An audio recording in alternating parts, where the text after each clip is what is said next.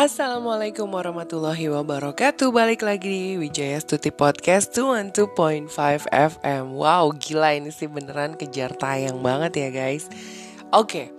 Hmm Jadi Ini di episode yang ke-13 Ngomongin tentang strategi.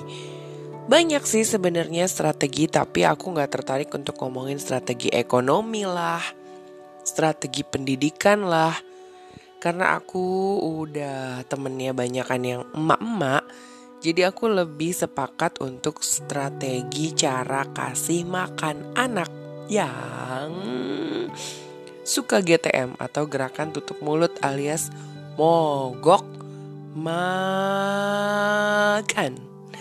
Oke, pertama-tama nih, ini adalah tips 10 cara mengatasi anak yang susah makan. Nah, pertama-tama kalau kamu moms ngerasa anak kok jadi susah makan ya, kita harus tahu dulu nih alasan kenapa anak ini jadi nggak mau makan. Biasanya pertama anak ini lagi ngerasa diare atau masalah pencernaan atau bisa juga lagi sembelit jadi susah buang air besar karena udah dua atau tiga hari nggak buang air besar ini kita harus tahu loh sebagai orang tua apakah ini benar-benar uh, apa namanya jadi kalau misalnya ternyata kayaknya ini nggak nggak untuk anak aja tapi juga untuk uh, manula ya jadi kalau tiba-tiba dia nggak mau makan berarti kemungkinan ada masalah sama pencernaannya bisa karena sembelit atau bisa juga karena uh, apa namanya proses diare Nah, bisa juga itu karena eosinophilic esophagitis. Eh, uh, susah banget ya namanya ya. Tapi intinya adalah ada sel darah putih eosinofil yang menumpuk di area kerongkongan atau esofagus. Jadi biasanya kayak susah nelen atau tiba-tiba tenggorokannya sakit. Nah, itu biasanya disebabkan oleh alergi terhadap suatu makanan. Jadi bisa karena alergi susu, alergi kacang-kacangan, alergi telur atau alergi serbuk bunga dan lain sebagainya. Nah, Esofagitis ini biasanya menimbulkan bengkak pada tenggorokan atau amandel jadi sakit waktu menelan. Atau bisa juga karena intoleransi makanan. Pernah kan ada anak yang gak bisa minum susu. Setiap dia habis minum susu pasti dia diare. Setiap dia habis makan kacang dia diare. Nah ini yang menyebabkan anak jadi gak mau makan. Atau yang lebih parahnya adalah gangguan organ ginjal dan hati. Hmm. Jadi sebelum uh, moms lihat Kenapa sih anak gue susah banget deh makannya? Moms harus pahami apakah ada lima gangguan tadi di pencernaan si anak. Kalau iya, obati dulu baru lakukan uh, tips-tips berikut ini. Tips yang pertama adalah kasih makan anak dalam porsi kecil tapi sering. Kalau kita itu kan biasanya cuman makan tiga kali sehari kan. Tapi kalau untuk anak-anak bisa dibuat kayak pagi uh, jam pagi misalnya jam 7 nanti kasih lagi jam 10 kasih nanti lagi jam 12 kasih lagi nanti jam 15 nanti kasih lagi pas jam 6 kasih tapi sering tapi jangan dipaksa kalau emang anaknya nggak mau ya jangan dipaksain. Karena yang moms harus pahami lambung anak-anak itu tidak sebesar lambung orang dewasa. Jadi kapasitas isinya juga tidak sebesar kapasitas isi orang dewasa. Jadi harus dipahami itu aja dulu. Yang kedua, buat waktu makan yang teratur kalau anak susah makan. Jadi misalnya kayak tadi aku bilang kan, jam 7 anak dikasih makan, nanti jam 10, jam 12, terus jam 15, terus terakhir di jam 18 lakukan itu secara konsisten biar anak tahu oh ini tuh udah jam waktunya makan gitu loh nah kalau bisa uh, tidur siangnya tidurnya juga harus dipola sesuai dengan pola yang sudah ada dan konsisten sehingga akan mudah membuat anak tidur di malam hari dan tidak begadang. Nah, yang ketiga ini tantangan banget dibuat para moms adalah menyajikan makanan dengan tampilan yang menarik. Hmm, sekarang kan udah banyak ya kursus-kursus bento kayak gitu yang bikin sarapan kayak dari orang Jepang yang dibikin kayak wajah smile itu udah banyak banget ya. Kayaknya kalau sampai nggak ngerti cara bikinnya kayak gimana tuh kebangetan karena source-nya tuh udah banyak banget dari berbagai macam sumber. Nah, yang keempat, variasikan makanan dengan beragam rasa. Jadi jangan yang gurih terus atau jangan yang manis terus tapi kalau bisa campur-campur dan kenalkan anak dengan sayur-sayuran juga buah-buahan. Karena ini PR banget memang buat orang tua. Dulu waktu aku ngajar di salah satu sekolah, aku sih acungin jempol banget sama orang tuanya. Kenapa? Karena bekalnya si kecil ini selalu sayur kukus atau buah-buahan. Wow. Sementara teman-teman yang lainnya bisa coklat, bisa pokoknya kudapan-kudapan atau snack camilan yang kadang sehat, kadang nggak sehat kayak gitu. Nah ini juga harus dikenalin ke anak ya makanan sehat. Terus yang kelima adalah variasikan dengan makanan favorit anak saat susah makan. Gak masalah kok ngasih es krim atau ngasih coklat selama tidak terlalu banyak.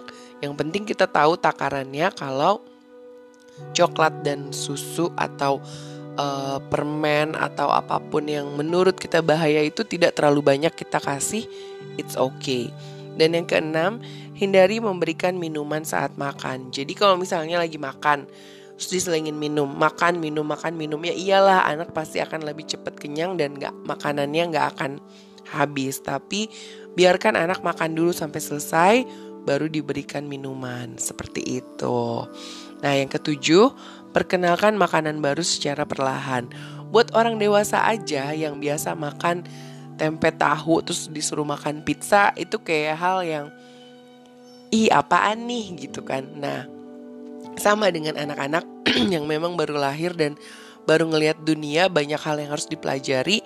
Dia juga untuk mempelajari rasa makanan itu juga berbeda-beda. Makanya uh, perlu dikasih tahu ini loh makanan khas Indonesia. Ini makanan khas Italia. Ini adalah makanan khas uh, Arabik kayak gitu. Pokoknya jadi supaya anak bisa mengenal rasa bahkan yang kerennya lagi kalau udah bisa sampai kenal bumbu dapur. Oh. Dan yang kedelapan, libatkan anak dalam cara cara yang menarik. Misalnya nih, kalau misalnya dia udah nggak mau makan atau sulit makan, ya udah ajarin dia cara masak makanan tersebut. Jadi anak ini ngerasa kayak oke, okay, ternyata prosesnya nggak mudah ya. Ternyata untuk bisa makan sayur kangkung itu butuh proses beberapa kali masak atau butuh ngupas bawang dulu, butuh uh, dimasak dulu di di wajan dan lain-lain sampai bisa dimakan. Nah, yang kayak gini-gini nih bisa bantu anak untuk jadi lebih doyan makan atau mungkin bisa juga ngajak dia belanja ke pasar. Nah, yang kesembilan buatlah waktu makan senyaman mungkin. Jadi biasanya nih anak-anak akan tambah lahap kalau makan bareng sama temen-temennya. Tapi please jauhkan anak dari televisi, hewan peliharaan dan mainan pada saat makan supaya makannya lebih konsentrasi. Ini tuh uh, bakal melatih anak supaya nggak makan berdasarkan emosi dia. Jadi ada kan yang ah gue patah hati, gue mau makan. Nah kalau dari awal udah di kasih konsentrasi untuk ini loh waktunya makan makan. Nggak nggak sambil nonton TV nggak sambil ngerjain yang lain.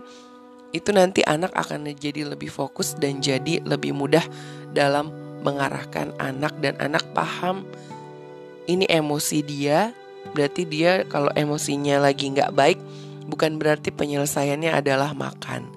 Nah yang ke sepuluh adalah jadi panutan yang baik buat anak Hmm, dari kesemua yang disebutin tadi emang yang paling penting adalah role model dari orang tua.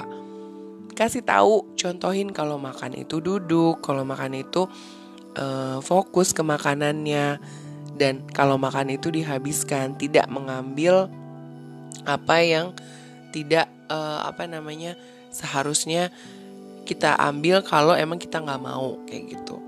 Nah ini nih yang harus dihindarin kalau saat anak susah makan. Yang pertama, jangan pernah maksa anak untuk makan. Yang ada kita cuma akan berantem sama anak, terus uh, apa namanya bikin dia jadi tambah nggak mau makan gitu loh.